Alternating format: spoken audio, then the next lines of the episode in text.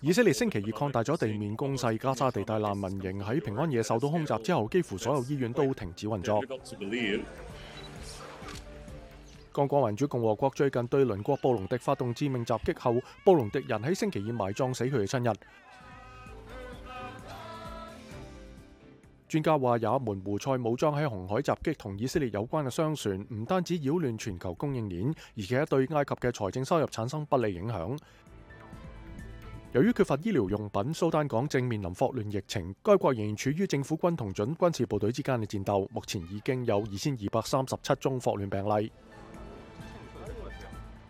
南韩演员李善均星期三喺首尔被发现死于自杀。四十八岁嘅李善均因为奥斯卡获奖电影《上流寄生族》而闻名。